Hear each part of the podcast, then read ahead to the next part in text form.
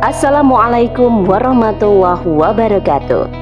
Sahabat podcast Narasi Pos Media Kembali lagi bersama saya Yeni dalam rubrik Opini. Berikut selengkapnya. Beda agama menikah Toleransi merusak akidah. Oleh Sunarti.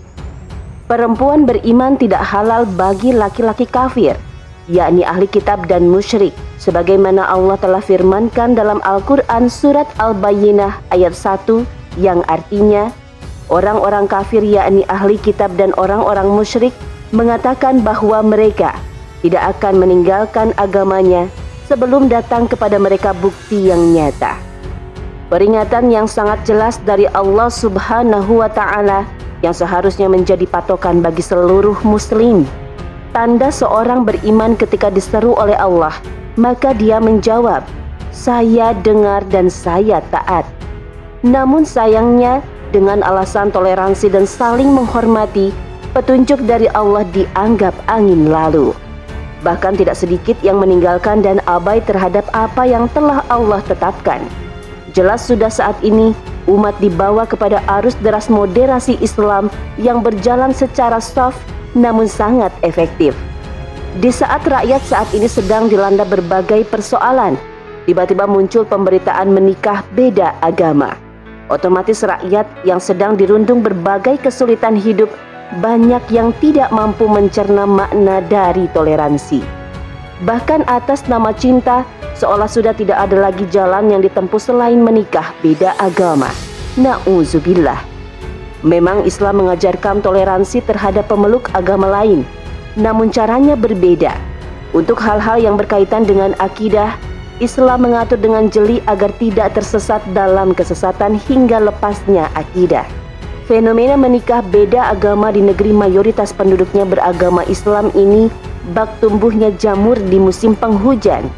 Dari kalangan artis, jajaran staf sus hingga rakyat jelata sepertinya sudah menjadi hal yang biasa, merasa tidak ada yang salah dan tidak melanggar hukum Allah.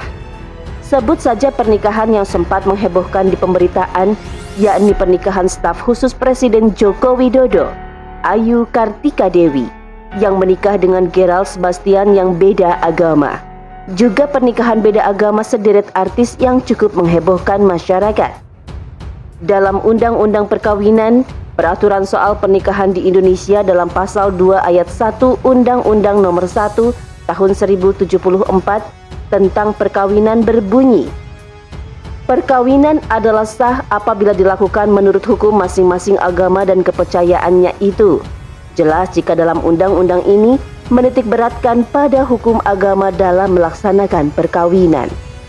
Jika dalam Islam menikah dengan seorang yang beda agama, terutama untuk muslimah adalah haram, berarti seharusnya pernikahan beda agama tidak dilakukan. Namun banyak pihak yang menabrak aturan ini. Islam yang mengatur pernikahan bahkan masih dilindungi undang-undang di negeri ini. Sayangnya semua itu hendak diobok-obok dengan berbagai alasan. Bahkan undang-undang perkawinan ini sudah sempat mendapat gugatan dari berbagai pihak. Orang-orang yang terganggu dengan aturan ini hendak menghilangkan sendi-sendi Islam dari tubuh pemeluknya dengan alasan toleransi. Jangan heran apabila nantinya undang-undang perkawinan ini pun akan dirombak sesuai dengan pesanan kaum feminis dan agen-agen liberalis yang bahkan mereka berbaju muslim. Sebagai seorang muslim, kita layak untuk berpikir lebih lagi agar mengetahui jebakan-jebakan arus deras moderasi Islam dengan alasan toleransi. Tidak perlu terbawa arus dan malah mendukung agenda moderasi ini dengan berbagai alasan. Patokan muslim sudah jelas yaitu halal dan haram. Fenomena ini mengajarkan kepada kita bahwa nantinya akan bermunculan berbagai upaya untuk menyukseskan agenda moderasi Islam. Sudah saatnya kita sadar bahwa selama ini sistem sekuler liberal telah mengeroposkan akidah Islam. Umat dibawa untuk semakin jauh dari aturannya untuk itulah menyeru kepada Islam dan kembali kepada sistem Islam adalah solusi yang tepat. Moderasi sedang diarus deraskan agar bisa diterima oleh masyarakat luas. Orang-orang kafir gerah dengan apa yang terjadi di tengah masyarakat berupa naiknya level berpikir. Masyarakat mulai melihat apa yang tersirat dalam masyarakat mulai melihat apa yang tersirat dalam berbagai kejadian. Ini akan membuat Barat segera mengantisipasi agar Muslim tidak lagi berpikir ke arah level berikutnya, yaitu berpikir cemerlang.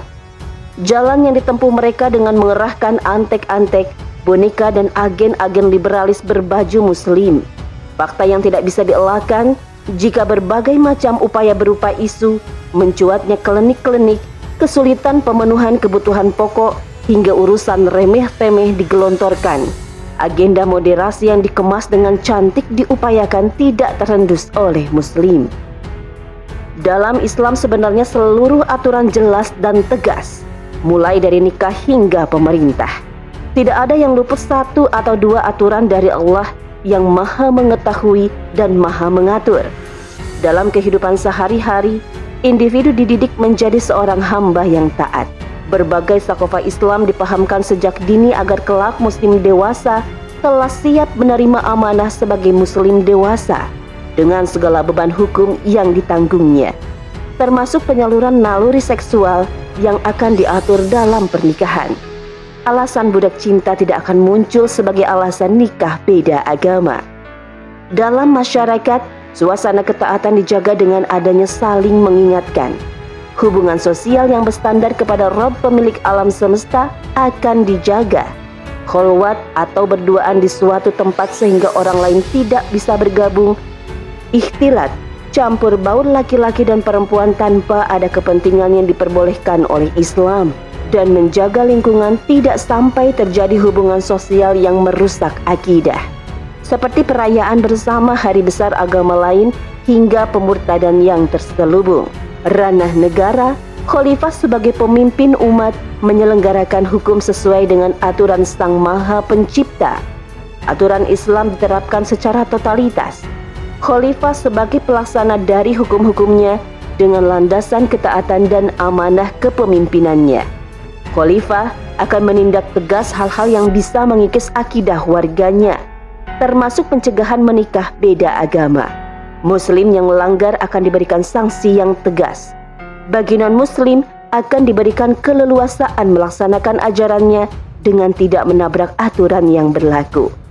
Meskipun dengan alasan toleransi, pernikahan mereka akan diselenggarakan sesuai aturan agama mereka tanpa mengurangi rasa toleransi bagi mereka. Demikianlah Islam mengatur segala sendi kehidupan. Jika ada muslim yang meragukan hingga melanggarnya, layakkah jika dikatakan sebagai muslim yang taat? Wallahu a'lam bisawab. Narasi pos cerdas dalam literasi media, bijak menangkap peristiwa kunci.